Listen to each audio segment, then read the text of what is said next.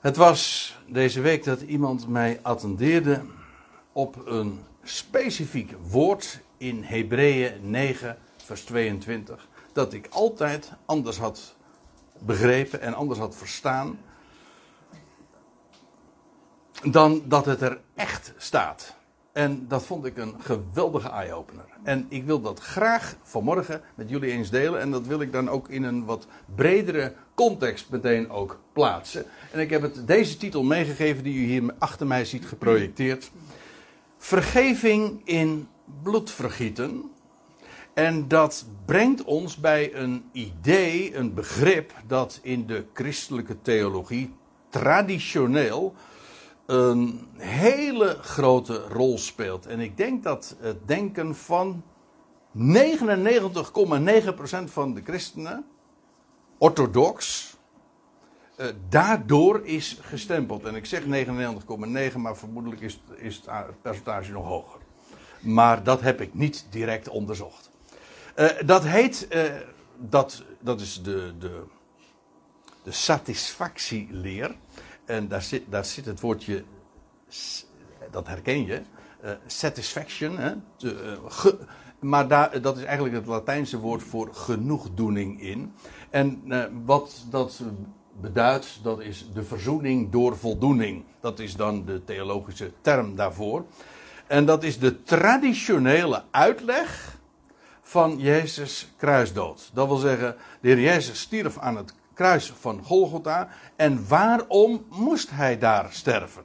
Wel, is het algemene, gangbare antwoord dat was om daar verzoening te bewerken. En hoe doet hij dat? Wel door voldoening te geven aan Gods eer. En kijk, het idee is deze. Laat ik het wat nader uh, omschrijven omdat God rechtvaardig is, dat is dus de gedachte. God is rechtvaardig. Kan hij alleen vergeven wanneer de straf op de zonde wordt voltrokken. Maar dat moet dan voltrokken worden door iemand die onschuldig is. God kan niet zomaar vergeven. Nee, hij is rechtvaardig, dus die zonde moet daadwerkelijk ook uh, betaald worden. De schuld moet betaald worden, de straf moet worden voltrokken en dan is, is er sprake van vergeving. Strikt genomen, dat zeg ik er meteen maar even bij, maar licht ik nu verder niet meer toe, is er dan niet eens meer sprake van echte vergeving. Want op het moment dat mij, uh, stel je voor, u bent mij iets schuldig en een ander die zegt van nou, uh, hij kan dat niet betalen, uh, ik betaal voor hem, dan hoef ik u helemaal niks meer te vergeven, want dan is er betaald. Dus het hele begrip vergeving in dat verhaal uh, wordt volstrekt hol. Het, het, betekent niks meer, want er is niks meer te vergeven. Er is namelijk voldoening heeft er plaatsgevonden. Nou, het idee is dan, je, God kon dat niet zomaar vergeven. Er, de straf is voltrokken. En op het kruis zou Jezus, dat is het idee, de straf voor onze zonde hebben gedragen. En ik kan me voorstellen dat er mensen zijn die dit nu horen. En zeggen van, ja, maar dat is toch wat precies wat de Bijbel zegt. De Bijbel zegt dat Jezus stierf voor onze zonde. En dan zeg ik, jazeker, dat staat er. Hij stierf ten behoeve van onze zonde. Maar u leest nergens in de Bijbel dat hij stierf om de straf voor onze zonden te dragen. Hij droeg de straf. Dat is waar, maar niet de straf van God. Hij droeg de straf die mensen hem oplegden. Ik bedoel, het oordeel van Pilatus was uiteindelijk, hoewel hij zijn handen in onschuld uh, maar het oordeel was, uh, hij is des doods schuldig. Dat was in ieder geval wat ook de, de Sanhedrin had gezegd. Dus die legde hem de doodstraf op. En die straf droeg hij, maar niet de straf van God. Dat staat nergens in de Bijbel. Maar goed, ik ben nog steeds bezig met even met die leer uit te leggen. En tegelijkertijd geef ik al commentaar. Ik kan het niet nalaten. Uh, de essentie, en dat is ook, en nou komen we bij het onderwerp van vanmorgen. De essentie van de offerdienst zou zijn. Ik heb het altijd eigenlijk van jongs af aan zo ook vernomen in de kerk. En dat was gewoon de. ja, het is de traditionele leer niet alleen maar in een specifieke kerkelijke richting. In de hele orthodoxie zegt men dat de essentie van de offerdienst zou zijn dat door een onschuldig dier te slachten, de schuld van de, van de offeraar zou worden betaald. Dus ik ben schuldig door iets, door een zonde die ik begaan heb. Laat ik het even puur op één persoon spelen. En omdat ik die straf niet onderga, draag, uh, onderga uh, wordt die straf gelegd op een. In de offerdienst is dat dan het beeld, het, het idee, wat er wordt gesymboliseerd. Dat onschuldige dier, dat gaaf is, dat ondergaat de straf die ik had verdiend. En zo uh, vindt God genoegdoening. Zo wordt zijn, zijn, zijn rechtvaardigheid bevredigd. Dat is het idee. En eigenlijk, als ik er dieper over doordenk, krijg ik de rillingen over mijn lijf bij het idee dat dat zo zou werken. Maar dat zou eigenlijk ook uh, ja, de kerngedachte zijn van, van de offerdienst. Een onschuldig dier draagt de straf van de offeraar. En daarom wordt hij geslacht. Des doods schuldig.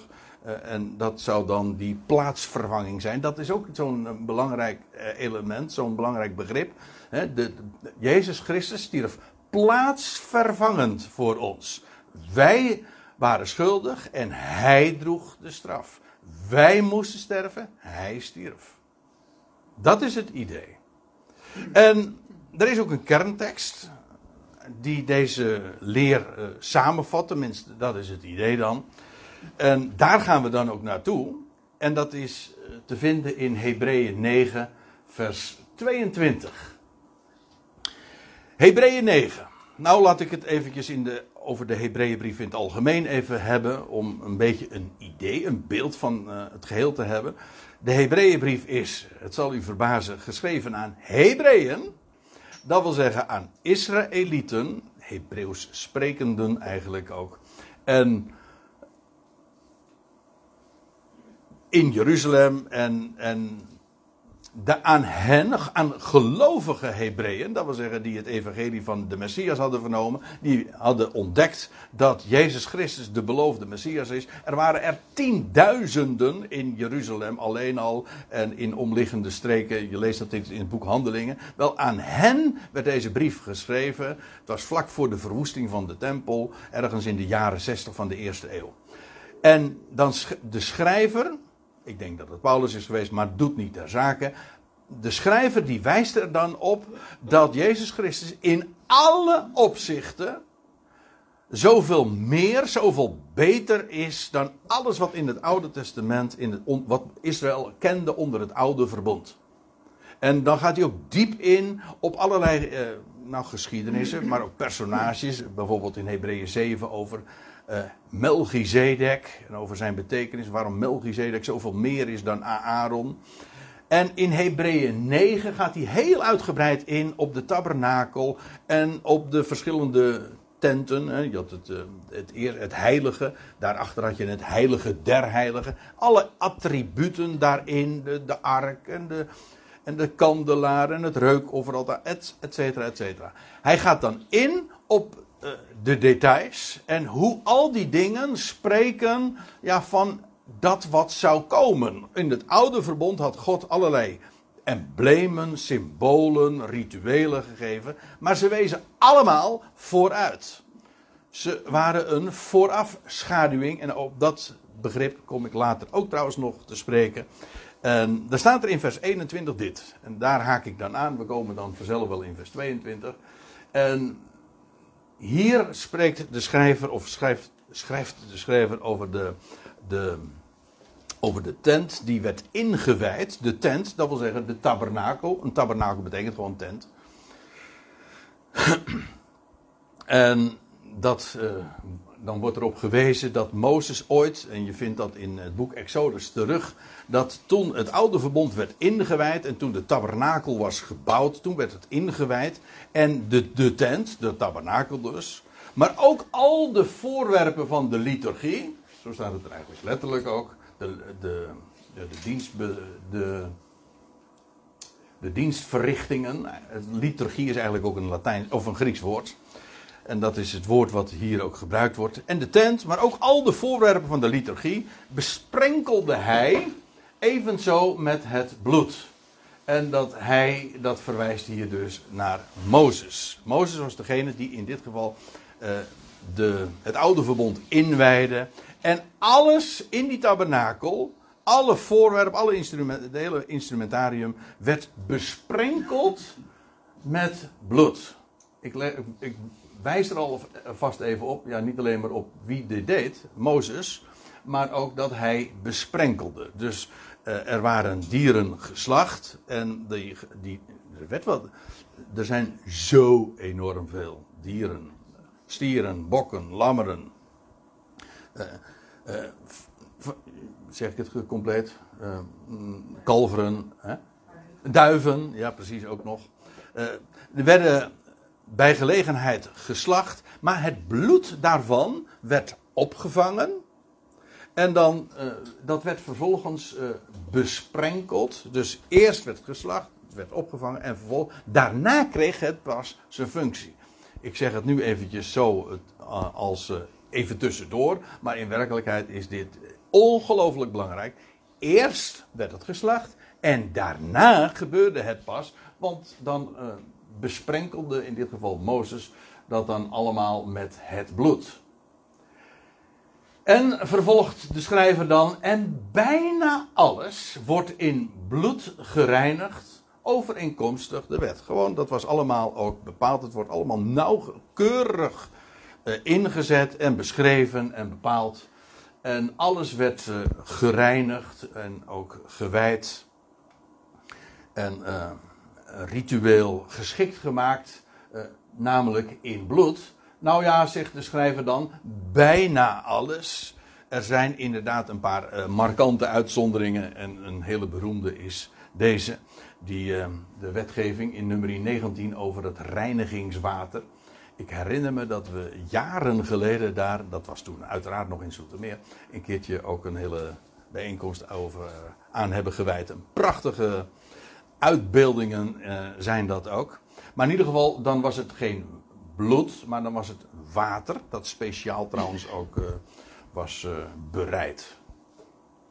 akkoord, doet verder niet de zaken van. Maar hij zegt dus bijna alles, want er zijn uitzonderingen op. Maar het idee is: de dingen worden in bloed gereinigd. Hm? Grosso modo, zeg maar. En staat er dan, en nu komen we bij het eigenlijke punt. En zonder bloeduitgieting geschiet er geen vergeving. Dat is het idee. En, en toen ik zojuist zei van ja, een van de, de, de kernteksten in die leer van verzoening door voldoening is wat je hier leest. Namelijk zonder en de Statenvertaling en de MBG-vertaling zeggen hier dan: zonder bloedstorting geschiet geen vergeving. En nu begrijp je ook waar, hoe men aan die leer komt. Van ja, kijk, uh, hoe kan God vergeven, jou iets niet aanrekenen? Wel, omdat een ander, omdat een dier dat onschuldig is, gaaf is, uh, dat die uh, zijn bloed stort. Maar ik zal u vertellen, en dat was de ontdekking die ik deze week deed. Uh, er staat geen bloedstorting, ook niet uh, bloedvergieting, ook niet, nee, ja, als ik zeg bloeduitstorting, dat is in, in uh, medische termen weer iets anders, dus laten we die maar eventjes terzijde. maar het het idee is altijd van, ja, zonder uh, bloedstorting geschiet er geen vergeving. En dan wordt er gedacht van, die vergeving is gelegen in het feit dat het bloed, uh, doordat zo'n dier geslacht wordt en dat, ja, dat bloed wordt dan vervolgens gestort. dat bloed wordt vergoten bij de slachting. Dat is het idee. En door die slachting zou er eh, vergeving zijn. Nou, en maar er staat geen bloedstorting. Er staat bloeduitgieting. Nou kan ik me voorstellen dat je zegt van, maar wat maakt dat voor verschil? of bloed vergiet of bloed uitgiet. Nou, er staat inderdaad in het Grieks hier het woord, u ziet het hier. Ehm, nou, ik ga het niet uitspreken, want het is een heel. Uh, ja, ga ik fouten maken. Ik denk dat, ik het, dat het me lukt, maar pas na twee, drie keer en dat wil ik u niet aandoen. En, maar het, woord is samengesteld uit een paar woorden, namelijk uit bloed. En uh, het voorzetsel uit. En vervolgens uh, het grond, stamwoord gieten. Uit, trouwens, uh, dit ene woord, dat, ja, dat komt ook maar één keer voor in het Nieuwe Testament. En trouwens, ik moet erbij zeggen, dat woord uitgieten, niet bloed uitgieten, maar gewoon uitgieten, dat komt wel heel veel keren voor. Zo ben ik bijvoorbeeld uh, momenteel bezig met een studieserie over het boek De Openbaring. En dan staat er in Openbaring 16 iedere keer over dat een engel, een boodschapper, en die goot dan een schaal leeg. En, dan staat er, en iedere keer wordt dan ook dat woord gebruikt, dat uitgieten. Gewoon, dus precies wat het is. Uh, uitgieten. En dat komt heel wat keren voor in het Nieuwe Testament. Maar het idee is dus inderdaad, het is bloed uitgieten. Het komt één keer voor in het Nieuwe Testament. Dus zeg je van, ja, dus hier heb je niet veel houvast in van, om de betekenis precies te achterhalen. Iets is mooi. Als je een, de betekenis van een woord wil leren kennen, dan moet je dat, uh, dat doe je dat door te kijken, ja, dan kijk je eigenlijk naar twee dingen. En dat is waaruit het is samengesteld. Dat, bijvoorbeeld zo. Het, maar dat zegt niet altijd alles over de betekenis. De echte betekenis van een woord vind je gewoon door te kijken hoe wordt het gebruikt. Dat is ook het grote voordeel en zelfs uh, de, eigenlijk het grote belang van concordant vertalen. Namelijk door zo'n woord, zo'n specifiek Grieks of Hebreeuws woord, uh, één op één, zoveel als mogelijk weer te geven, zodat je echt zo'n woord leert kennen, gewoon door het gebruik. Dat is, heel, is een heel normaal uh, fenomeen. Maar goed, uh, ik zei al, als het maar één keer voorkomt in het Nieuwe Testament, word je daar niet zoveel wijzer van. Hè. Maar dat is uh, niet het enige houvast dat we hebben, want de LXX, oftewel de Septuaginta, dit is eigenlijk het Latijns voor 70, maar daar moet ik even bij zeggen. Kijk, het Oude Testament, ons Oude Testament, is in het Hebreeuws geschreven. Dat is het origineel. Maar dat Oude Testament is ook vertaald in het Grieks. En eh, als bijvoorbeeld in de dagen van het Nieuwe Testament het, Nieuwe, eh, het Oude Testament aangehaald wordt. Dat zie je bijvoorbeeld in de brieven van Paulus. Dan citeert hij altijd, vooral voor zijn Grieks sprekende lezers, uit die Septuagint. Uit die Griekse vertaling van het Oude Testament. Dat was, ja, kijk, uh, wat uh, nu Engels is, dat was in die dagen uh, Grieks. En dus als, als, zodra je dus buiten de Hebreeuwse wereld kwam, ja, dan werd daar Grieks gesproken. En de Griekse vertaling van het Oude Testament werd gebezigd. Dus dat, die, die Septuagint speelt ook in het Nieuwe Testament al een hele grote rol. En nou komt het frappante, in die Septuagint, dus in die Griekse vertaling van het Oude Testament, wordt dit specifieke woord voor bloed uitgieten acht keer gebruikt in verband met de overdienst. Aha. Maar dan altijd in de zin van uitgieten van bloed. Maar dan nooit in de zin van het bloed vergieten, in de zin van de bloedstorting, in de zin van het slachten. Het is altijd het uitgieten van het bloed nadat het dier geslacht is. En dat gebeurde bij vele gelegenheden. En al die acht keer dat het dan gebezigd wordt, dan gaat het inderdaad over dat bloed dat uh, opgevangen was bij de slachting. En vervolgens deed het dienst. Uh, ja, en werd het uitgegoten, nou in de praktijk, bij het altaar. En laat ik u dan meteen meenemen naar het eerste voorbeeld dat, ik, uh, dat daarvan te geven is. En dat vind je in Exodus 29. Ik ga niet al die acht keer langs, want dan wordt het een beetje saai, want iedere keer zie je namelijk exact hetzelfde fenomeen. Maar dan wordt er dit gezegd. En dan wordt, uh, dan wordt dit bepaald, uh, zegt God dit tegen Mozes. En u zult het bloed, of eigenlijk aan Israël, en u zult het bloed van een jonge stier nemen. En op de horens van het altaar aanbrengen met uw vinger. Kijk, dat is dat idee dus van dat besprengen. Hè? Je hebt, aan de ene kant werd er, uh, is er sprake van besprenkelen of besprengen. En dat doe je met de vingers, dan, dan doop je het in en dan besprenkel je het. Hè? Druppel je het op, uh, nou ja, in dit geval het altaar. Uh, ik moet er nog iets bij. Nog iets bij zeggen, want ik heb het even onderstreept. Het woord altaar. Een altaar in de Bijbel is altijd een verhoging. Dat kan zelfs gewoon één steen zijn. Of een hoop stenen of een, een berg, of een, een, een, een, een berg zand. In feite was het brandofferaltaar ook niks anders dan een, een, een kast. En die werd dan volgegooid met zand. Of met stenen. En dan had je dus eigenlijk gewoon een verhoging. Maar een altaar is ook een verhoging. En als je een klein beetje feeling hebt met taal, dan begrijp je ook meteen dat altaar inderdaad ook gewoon verhoging betekent. Het komt van het Latijnse altus. En dat betekent hoog. We hebben bijvoorbeeld een alt. Wat ben jij, Daniela? Alt. Jij bent een alt. Ja? je hebt ook nog de sopraan, hè? dat is nog wat hoger.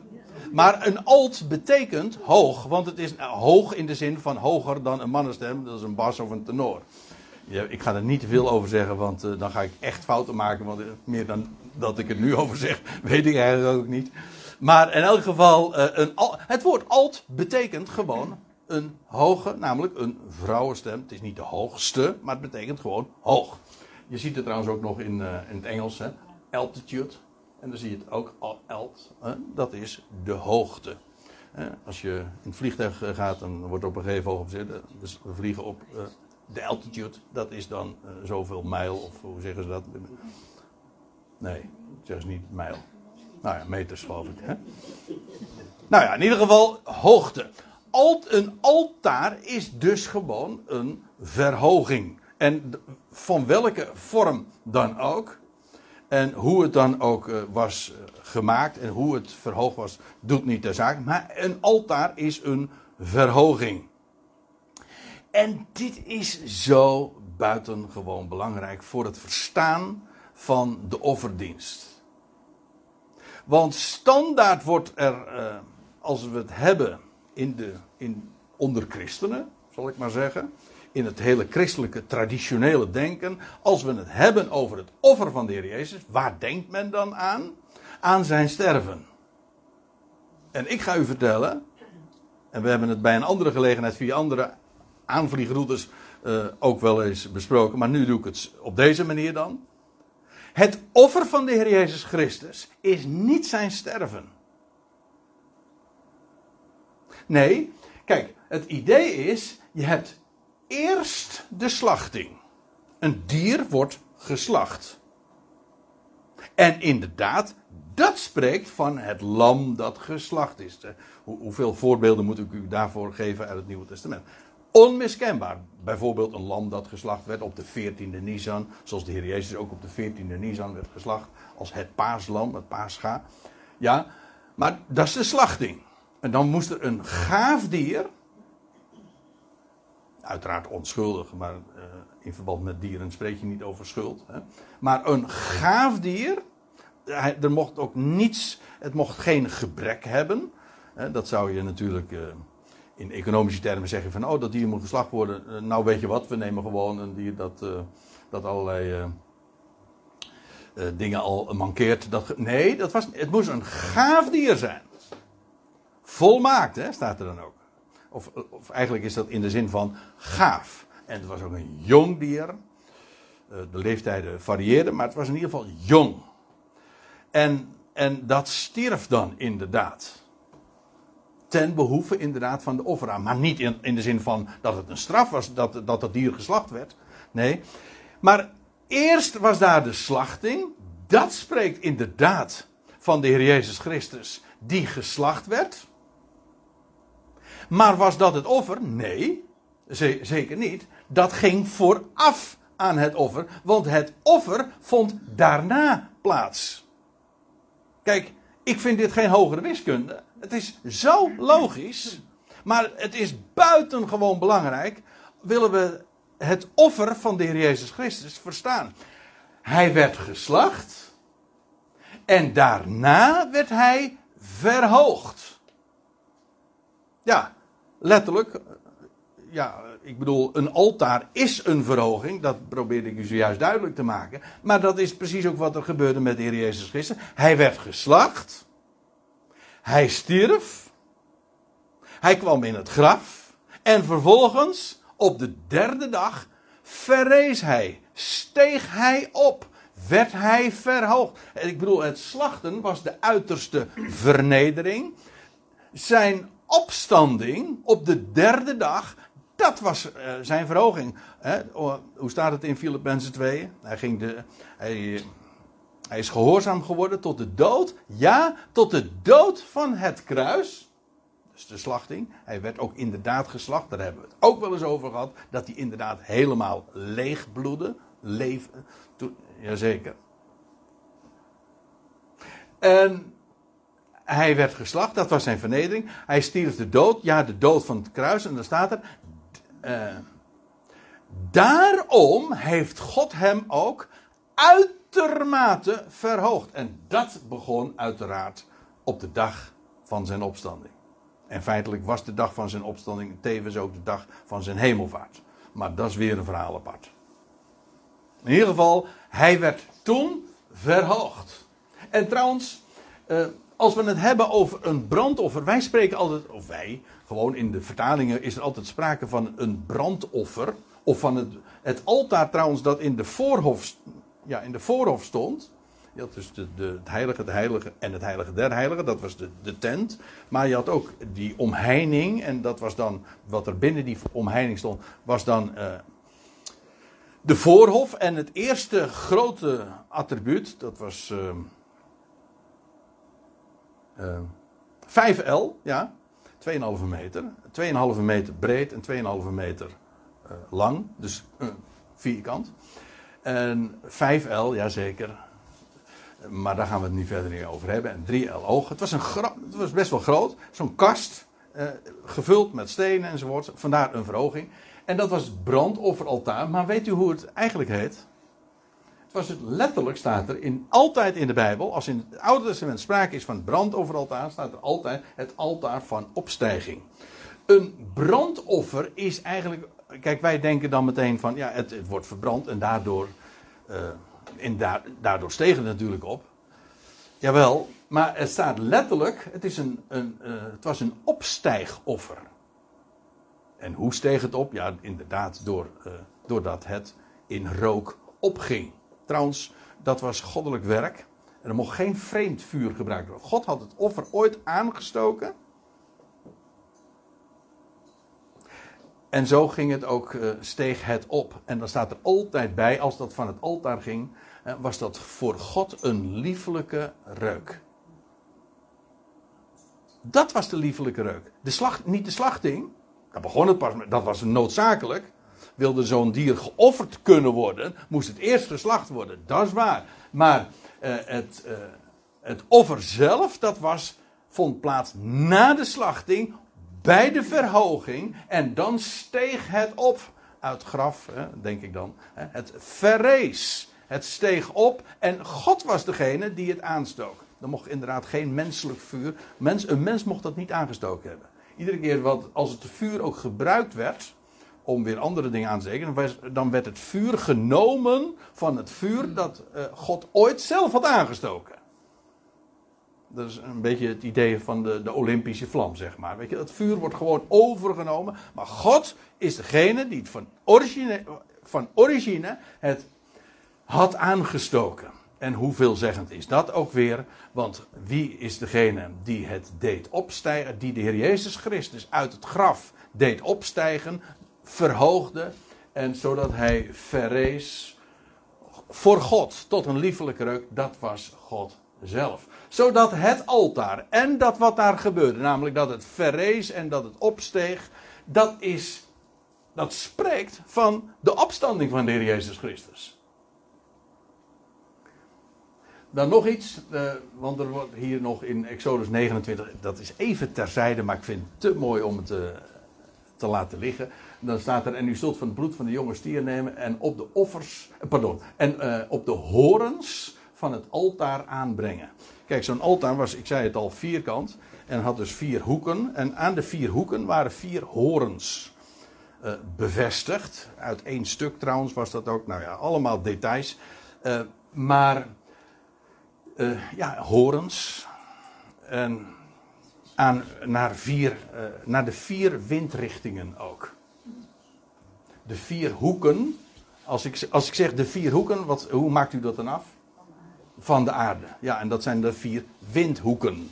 En, de vier hoor, en een horen in de Bijbel is een beeld van koningschap. Dus uh, de vier horens spreekt van de koning. Van de opgewekte koning, namelijk die verhoogd is die heerst, die koning is.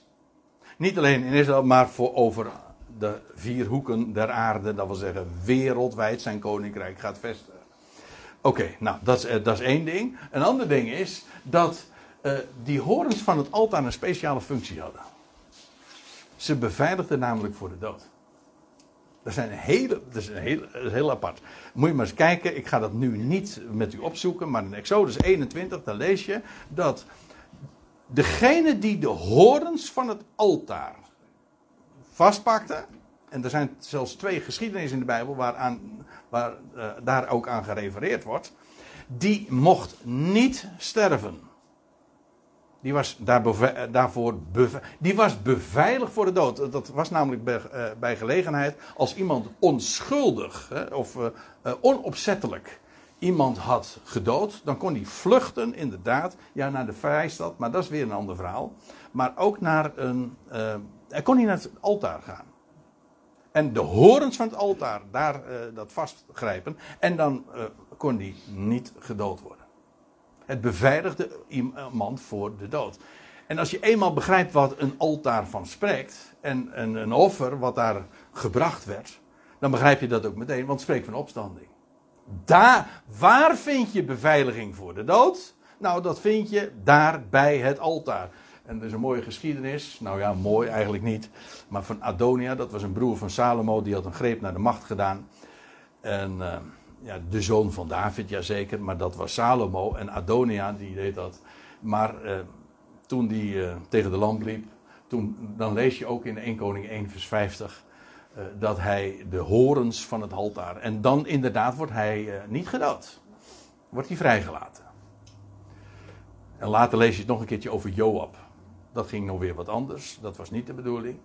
Maar goed, uh, het, het, idee is deze: dat die horens van het altaar dienden om de, te beveiligen voor de dood. En als je, nogmaals, als je begrijpt wat het altaar betekent, spreekt van opstanding, verhoging uh, dan begrijp je dat ook. Maar waarom ging ik nou naar Exodus 29, vers 12? Dat was eigenlijk voor dit. Want dit was nog maar eventjes inleiding. Want dat de eerste keer dat er sprake is van, in het Septuagint van, in verband met de offerdienst van bloed uitgieten. Dat is hier.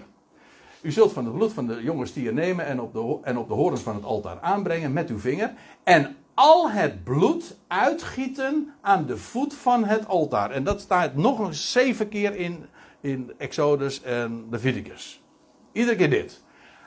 Bloed uitgieten aan de voet van het altaar. Dit is dus hetzelfde woord als in Hebreeën 9, vers 22. Gaat het hier over het slachten van een dier? Nee. Zeggen ze in Polen dan nee. Ja.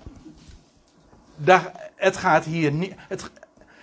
Zo'n dier was geslacht. Bloed was opgevangen. En vervolgens wordt dat bloed aangebracht. Uh, ja, aan de voet van het altaar. Dit spreekt, kijk, dat bloed uitgieten spreekt niet van het sterven, dat is de slachting. Maar het spreekt van de gestorvene. Ja, dat bloed herinnerde aan dat lam, of dat dier, of die stier, of die, dat kalf, dat, of die duif, uh, dat geslacht was. Het, het spreekt van de gestorvene, maar die vervolgens aan de voet, het fundament. Eh, eigenlijk eh, daar waar de verhoging begint, daar wordt het bloed uitgegoten. Dat wil zeggen, de gestorvene wordt verhoogd. Dat is standaard de procedure. Het idee dat van dat bloed uitgieten is, dat dier dat geslacht is, blijft het daarbij? Nee, het wordt gebracht bij de verhoging. Daar bij de voet, daar waar het, de verhoging begint, daar wordt het uitgegoten. En het idee is, de verhoogde, dat is degene die eerst stierf. Of omgekeerd, de gestorvene, dat is degene die verhoogd wordt. In feite, het dier werd ook geslacht. Ja, waarom? Nou, opdat het bloed zou worden aangebracht aan de voet van het altaar. En je zegt, waar, waar gaat dit over? Ja, als je niet begrijpt dat dit inderdaad een schaduw is van wat zou komen, ja, dan ontgaat het je. Maar de, het idee, de hele, het, de lijn, de contouren zijn zo helder. Namelijk, eerst de slachting. Daarna het altaar. Eerst het bloed wordt opgevangen, dat is het sterven. Bij de slachting. Daarna wordt het vervolgens uh, gebracht bij, uh, bij de verhoging. De gestorvene, dat is degene die verhoogd wordt. En zo gaat het standaard in de hele offerdienst. Ik neem u nog mee naar een, nog een belangrijk vers in Leviticus 17. Daar staat dit. Ogenblikje.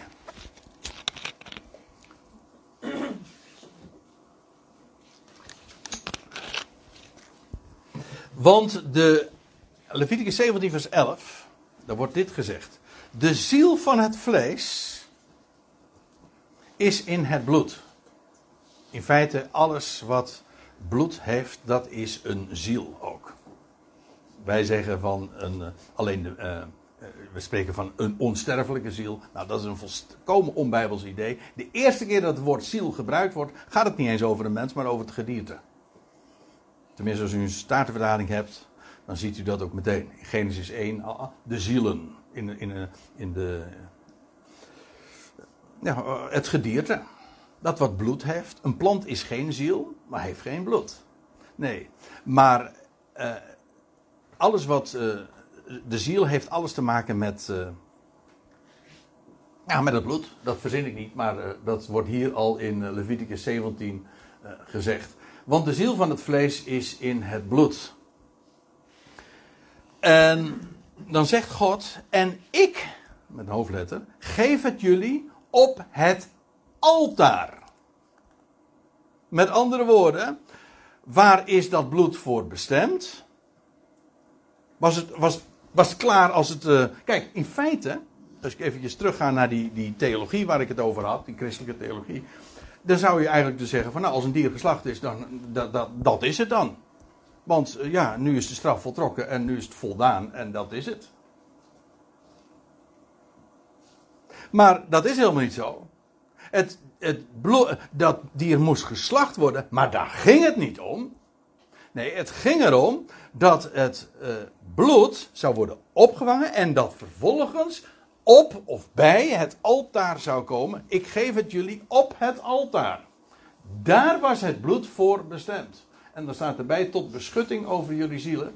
En als u een, de, de gangbare vertaling hebt, en ik kan me herinneren dat ik recentelijk nog eventjes hierover gesproken heb. Maar uh, hier wordt normaal gesproken uh, over verzoening gesproken. Maar dat is heel verwarrend, want verzoening is iets heel anders. Verzoening heeft te maken met vijandschap die omgezet wordt in vrede. Maar hier wordt niet over verzoening gesproken, maar over beschutting.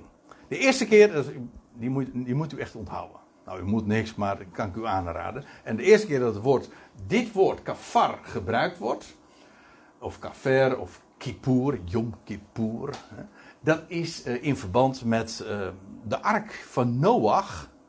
Uh, die moest worden bestreken, bepekt. En dan staat er eigenlijk gewoon dit woord, kafer. Dat wil zeggen, hij werd beschut, bedekt.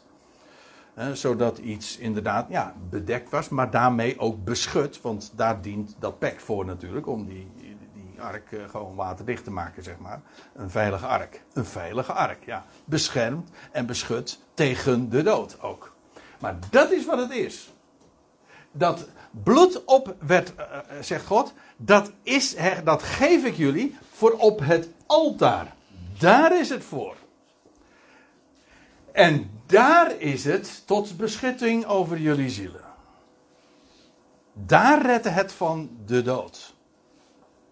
En ja, nou ja, als je eenmaal begrijpt wat uh, het altaar en wat daar gebeurde plaatsvond, dan uh, wordt dat ook in één keer volkomen helder als u het mij vraagt. Heb ik er nog één? Uh, Hebreeën 10. Ik had het net over Hebreeën 9, vers 22. Dat is ongeveer aan het eind van het hoofdstuk van Hebreeën 9. En als je dan even doorleest, dan kom je dus in, ja, in Hebreeën 10. En daar staat dit. Want, zegt Paulus dan, zeg ik voor het gemak maar even bij. Want de wet, die een schaduw heeft van de aanstaande goede dingen in de MBG-vertaling staat, geloof ik, de toekomstige goederen. Ja, goederen. Dat is een beetje een misleidend woord, want bij goederen denken wij meteen aan, aan bepaalde producten. Hè. Maar een goederen is eigenlijk het meervoud van goed. Goede dingen dus. En de Kijk, alles wat Paulus hier zegt is de wet. Wat heeft ze? Nou, een schaduw van de dingen die aanstaande zijn, dus die toekomstig zijn, die, die zouden komen. Het oude verbond was eigenlijk dus ja, gewoon prematuur van dit, dit, zijn de, dit zijn de dingen die ik jullie nu geef, maar dit is niet waar het om gaat. Dat begrijp je trouwens meteen ook als je, als je al die wetten in Exodus en Leviticus leest met dat bloed en het altaar en die instrumenten. En dan denk je van, dit kan natuurlijk nooit het zijn, hetgene zijn waar het om gaat. Dit moet een uitbeelding hebben, want aan zich heeft het geen enkele betekenis. Dat zegt Paulus, uh, de, de, diezelfde schrijver in de Hebreeënbrief ook. Het is onmogelijk dat het bloed van stieren en bokken zonde zouden wegnemen. Dat kan ook helemaal niet natuurlijk. Nee, het gaat ook niet dat het dat daadwerkelijk doet. Het wijst vooruit. Het voorafschaduwt. Dat is wat het doet. Het heeft in zichzelf misschien helemaal geen enkele betekenis, maar het, het, het, is illustratief. Het is eigenlijk gewoon allemaal aanschouwelijk onderwijs. En dan is het wel uh, handig en belangrijk, essentieel, om te begrijpen waar het over spreekt. Nou, dat is eigenlijk wat de Hebreeënbrief ook doet. Het legt het allemaal uit. Daar spreekt het van. Namelijk van dat wat zou komen, wat aanstaande was. En dat waren al die goede dingen. Maar zegt de schrijver dan, die wet, dat is een schaduw. Het is niet het beeld van de dingen zelf. Het is dus niet een plaatje. Het is dus niet zo van uh, in het oude, uh, dat de wet met al die rituelen en die offers en die attributen en nou ja, et, enzovoort enzovoort, dat dat een plaatje is van wat zou komen. Want dan had er gewoon moeten, dan had het meteen over Christus en over, over de vervulling gaan. Nee, het is een schaduw. Niet, het is dus is van belang. De wet is dus niet een beeld, een icoon van de zaken zelf. Nee, het is een schaduw. En moet je even goed over doordenken.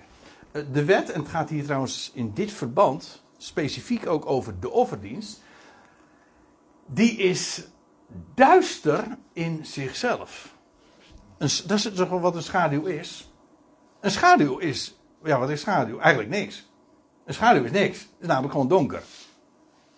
Eigenlijk, uh, ja. Uh, een schaduw is niks anders dan uh, de. Ja, goh, hoe zeg je dat nou? het, het, het, is de afwezigheid van licht. Ik bedoel, er schijnt licht. En op een gegeven moment dan houdt er iets het licht tegen. En dan, en, dan, en dan heb je schaduw. Dus daar waar geen licht is. Dus schaduw is in zichzelf duister. En als je uh, nou, zojuist, uh, sommige mensen die, die hebben een heel visueel cognitief vermogen. Dat wil zeggen, alles zien ze meteen voor zich. Ik heb dat zelf niet zo, maar het is, soms is het erg handig en soms is het heel erg lastig. Als je zo in elkaar zit, dat je heel erg alles meteen visualiseert. En als je bijvoorbeeld dat in de wet leest over die offers, geslacht, dat, uh, dat het geslacht wordt, dan. ja, dat is allemaal heel bloederig. Ook, ook als je bijvoorbeeld erover doordenkt dat een dier wordt geslacht. Oké, het bloed wordt dan vervolgens opgevangen. En vervolgens is de priester degene die dat, dat dan besprenkelt of, of uitgiet. Maar het is allemaal heel bloederig. Neem me niet kwalijk, het is duister in zichzelf. In zichzelf is het gewoon donker. Vandaar ook dat Paulus zegt: het is een schaduw. Ja. Maar wat is het mooie van schaduw? Schaduw in zichzelf is donker. Maar, wat heeft het dan met licht te maken? Nou, de schaduw laat wel de contouren van het licht zien. Kijk, dat is wat het doet. En in de contouren zie je wel waar het over gaat, namelijk over dat het gaat over dood en opstanding. Want aan het altaar mocht het dan heel bloederig toegaan. Als je, als je ziet uh, wat daar eigenlijk uh, gaande is, de volgorde van de dingen en wat het echt is. Ik bedoel, er wordt een dier geslacht. Daarna wordt uh, het vervolg, komt het op een verhoging en steeg het op. Als ik het zo zeg, en je legt dat naast de werkelijkheid, ik bedoel waar het, waar het van spreekt, dan snap je het meteen. Natuurlijk, eerst was daar degene die stierf aan het kruis van Golgotha. En drie dagen later werd hij verhoogd en steeg hij en verrees hij uit het graf. Dat is opstanding. Maar dan begrijp je ook meteen dat die offerdienst spreekt van, ja, niet van het sterven, maar van, want dat is niet het offer. Nee, het offer, dat is daarna, als het opstijgt voor God. En dat is voor God de liefelijke reuk. De opstanding. Daarin is ook beveiliging. Daarin is ook de beschutting. Dus het hele idee van ja, eh, dat dier moest sterven om de straf te ondergaan. Het is een vreselijke. Uh, ja, uh, ik zoek een woord. Een, ja, een, het woord, ik zocht het woord karikatuur van de Bijbelse voorstelling. Het, is helemaal, het gaat helemaal niet over Gods toorn die uitgegoten werd over, over Jezus op Golgotha. Zo, wordt het, zo staat het ook in zondag. Ik meen, eh, me er niet op vast, maar in zondag 15 van de catechismus. Dat Jezus op het kruis in het bijzonder de toren van God over het ganselijk menselijk geslacht heeft gedragen. Dat staat nergens in de Bijbel. Er staat ook nergens in de Bijbel dat hij de straf op de zonde droeg. Hij stierf voor ons. En het feit dat hij onschuldig was. Kijk, in feite zie je dat ook bij de. Dus even, nog, ook even iets wat ik terzijde zeg. Kijk, als een dier, een gaaf dier, door de priester geslacht wordt, dan zou je zeggen dat is onrecht. Toch? Ik wat, eh, dat dier heeft niks gedaan. En die priester, die slacht zo'n dier. Dat is toch onrecht? Ja, maar in feite was dit ook profetisch, want wat, hoe is het gegaan? De heer Jezus, door wie is hij inderdaad ter dood gebracht en overgeleverd om te sterven? Dat hebben de priesters gedaan. De priesters hebben dat gedaan. In feite zie je dat dus al als, als dat, in het Oude Testament zo uh, wordt gezegd, van de priester zal dier slachten. Ja, dat is, dan, kun je daar uh, moralistisch over denken, was dat goed of fout? Nee, het is zo voorzegd. Zo is het, zo zou het gaan. Hij is ter dood gebracht. Hij was gaaf. Er ontbrak niets aan. Hij was nog jong. Hij was krachtig, vitaal. En hij werd veroordeeld om te sterven. Waarom? Was dat Gods straf? Nee, helemaal niet. Hij stierf, en dat wist de Heer Jezus ook. Hij heeft de weg gegaan van het kruis, staat er ook. En waarom? Omdat hij zag op de, staat Hebreeën 12 vers 2, hij zag op de vreugde die hem voorgesteld wordt. Hij wist, toen hij zei van, zie hier ben ik Heer, om uw wil te doen. En dan staat er nog bij, trouwens ook in Psalm 40, want daar citeer ik nu. Uh, slachtoffers, nou, nou, zeg ik het eigenlijk zoals het in de berijmde vertaling in de berijming staat: van slachtoffers nog offers voor de schuld, voldeden aan uw eis nog eer. Toen zeide ik: Zie, Heer, hier kom ik, Heer. Zoiets, zoiets ging, die. Ik zeg niet helemaal goed, maar zo ongeveer gaat hij. En dat staat er dus al profetisch. Dat de Heer Jezus heeft zich herkend. Hij wist, ik ben, ik ben dat slachtoffer. Inderdaad, dat slachtoffer. Hij werd geslacht.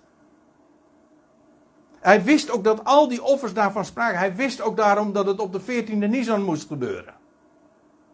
En toen heeft hij gezegd: Heer, hier ben ik. Maar waarom deed hij dat? Omdat hij wist: ja, ik word geslacht om geofferd te worden. Omdat God mij gaat verhogen en hij doet mij verrijzen uit het graf. En daarin is de liefelijke reuk voor God gelegen. Want hij is de eersteling. En in hem, ja, vindt heel de mensheid het leven. Het gaat om het offer, om zijn verrijzenis, om zijn verhoging. Ja, en dat is welriekend voor God. Waarom? Het spreekt van leven, met allemaal hoofdletters. Dat is welriekend voor God. En hoe meer je en hoe, en hoe meer en hoe beter je dit ziet, hoe beter je ook begrijpt hoe zeer dat de traditionele voorstelling echt een karikatuur is van, van wat de schrift voorstelt. Oh.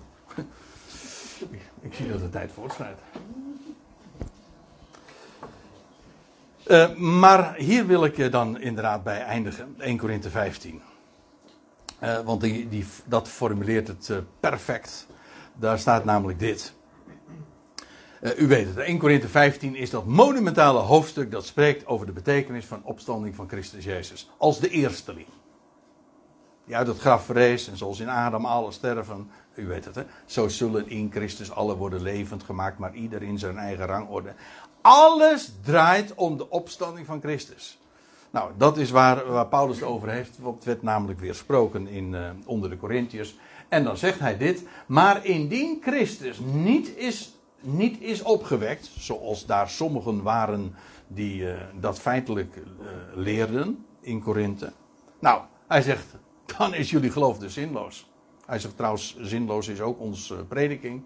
En dan zijn we zelfs leugenaars, want we hebben tegen God ingetuigd dat hij de Christus opgewekt heeft, als hij hem niet heeft opgewekt. Kortom, het is dan echt ook vals getuigenis, edig. En nee. Maar Jezus Christus, of, maar Jezus Christus is opgewekt.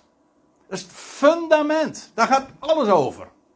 Heel het evangelie is niets anders dan de boodschap van hem die stierf en op de derde dag uit het graf opstond. Met alle consequenties van dien. Dat is de boodschap. Als dat niet waar is, dan is alles zinloos.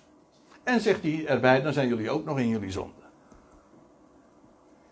Nee, zegt dan de, de Calvinist, dat is niet zo, want hij stierf al voor onze zonde en dus dat was al geregeld. Daar hoeft hij helemaal niet voor op te staan. Nee dus.